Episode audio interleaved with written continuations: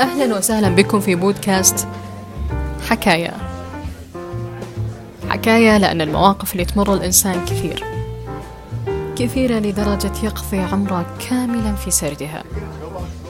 وينتهي عمره وهو لم يقل النصف منها. حكاية لأن حياتي وحياتك عبارة عن حكاية طويلة. حنا أبطالها.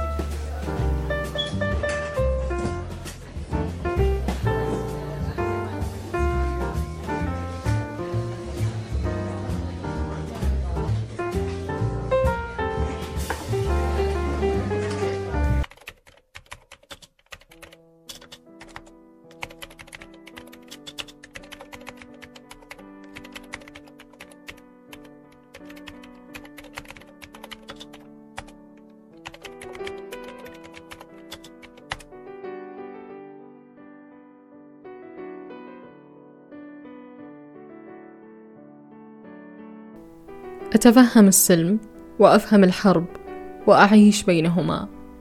ويبدو السبب الرئيسي لفهمي وتفهمي هو أنني أعيش بينهما. نفس تغوص في التفاصيل. تموج في الأفكار التي لم تطرأ على أحد أثناء حدوث موقف ما. كأن لها يد وراء كل ما يحدث وحدث. قد لا أعرف سببا وجيها لذلك ولكني أعرف نفسي.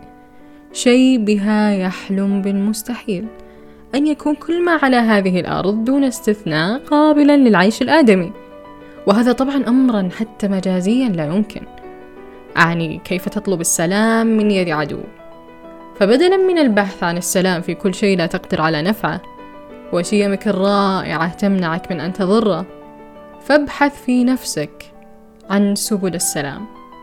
يعني قد تظن أن السلام وجوده في النفس البشرية أمر سهل ومقدور عليه بلحظة بسيطة ولكن يؤسفني أن أقول يا ليت والله.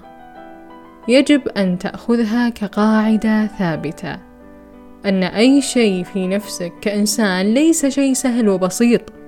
تحتاج من الوقت الكثير وتحتاج جهد عالي. المحاسن ليست شيء نحصل عليه متى أردنا بقدر المساوئ. لأن نفسك على كل حال أمارة بالسوء. فإنها تفعل المساوئ هذا شيء أسهل منا لا يوجد بالنسبة إليها. لكن الجانب الجيد منها يحتاج مجابهة ومجاهدة وركض وحلم وتحلم وصبر ومصابرة.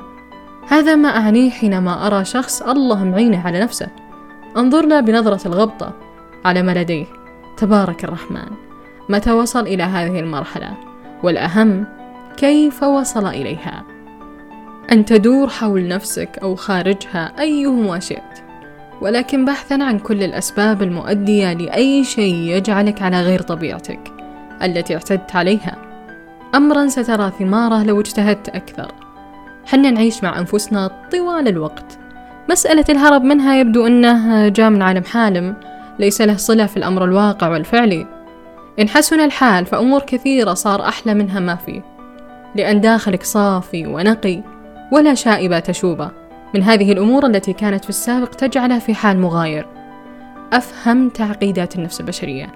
التي في اللحظة التي تظن أنك فاهمها ومدركها ومتنبئ بتصرفاتها تفاجئك بلحظة غير متوقعة لتفعل ما كنت تخشى وتخافه. سواء كانت كلمة خرجت أو تصرف ما كان له أن يبدأ الآن وفي هذا الوقت. يعني أفهم تلك الحالة التي تكون بها شغوف ومصر وعازم ولكن لا شيء يحدث كما تشتهي.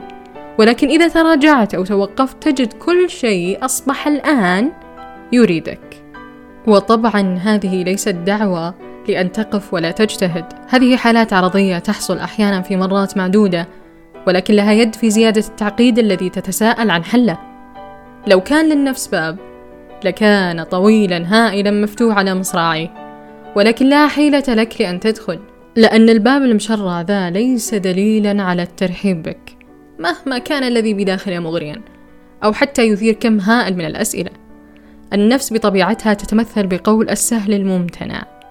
كل شيء تعتقد أنه سهل ومقدور عليه ولكن إذا خطوت الخطوة الأولى تجد أن الأمور الدقيقة والتفاصيل الصغيرة هي من تستحوذ على الصورة كاملة وهي بدورها تبحث عن من يساعدها في اكتشافها.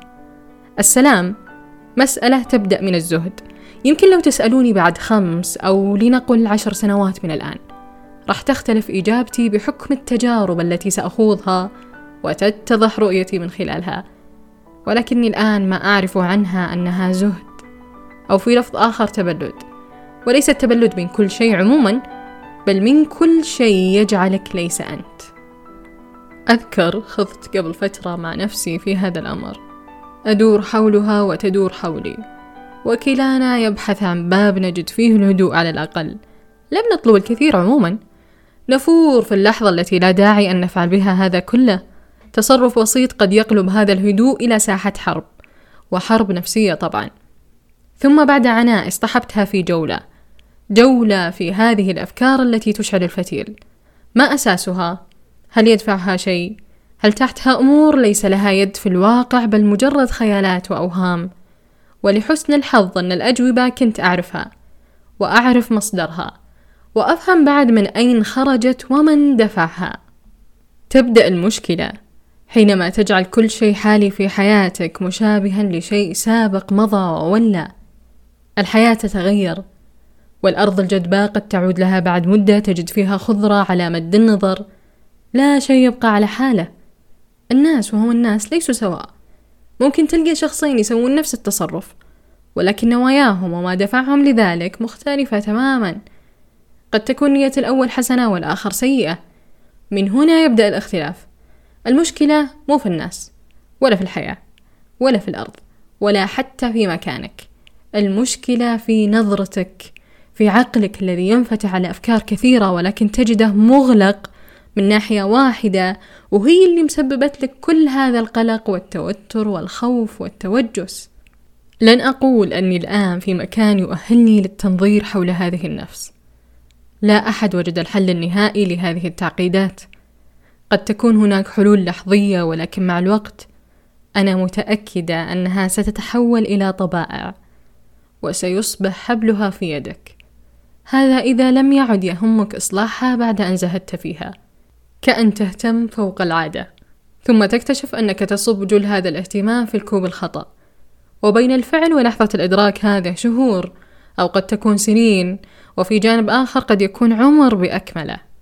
لا وجه محدد ولا صورة ثابتة للإنسان. لكل منا تركيبة مختلفة. لذا تجدنا نندهش حينما نقابل من يشابهنا في تصرف أو في مبدأ أو معتقد. وهذا التشابه طبعا ليس شاملا إنما في جهة واحدة فقط. بينما الاختلافات تطول في الجوانب الأخرى. ولكننا دائما ما نتفق في مسألة البحث عن السلام. نقطع أقطار بحثا عنه. نقطع علاقات إغراء له ليجيء. نهيم في اللحظة التي نشعر بها أنه جاء وأخيرا. ولكن وقتها قصير. لذا نبحث عن الطرق التي تجعله باقيا لأطول فترة ممكنة. ونتشبث بالسبب الذي فعلناه وأتى به إلى هنا. عموما وفي الجانب الأكثر أهمية في هذه الفوضى الحياتية والسرعة التي لا نكاد نلحق بها يجب أن نتريث عند الله أكبر. كيف حال جانبك الإيماني؟ وماذا تفعل حيالة لتبقيه أكثر ثباتا؟ في رحلة البحث عن السلام لا تنسى أنك عبدا لله السلام فأين أنت منه؟ أسئلة تستحق أن تطرحها على نفسك إذا أردت أن تجد هذه الذات حقا يجب أن يكون كل جانب فيك مشبع وسليم وراضي وهذا من الجوانب المركزية والثابتة فيك أيها الإنسان الحق إلى هنا. وفي رحلة الحياة التي نركض ونمشي ونتعثر إيذاء هذا كله تذكر أن نفسك تستحق كل هذا العناء لا يضيع أي استثمار فيها إن كان منطقيا وعقلانيا وحقيقيا وسليما من قلب راغب أثناء بحثه وامتثاله. تفتح السبل دائما للنية الصادقة. وكلما شعرت أن سعيك وجهدك في إصلاح ذاتك والبحث عن الهدوء فيها قد طال. فتذكر ما قال إخوان خوسيه. نحن لا ننتهي ابدا من صنع أنفسنا.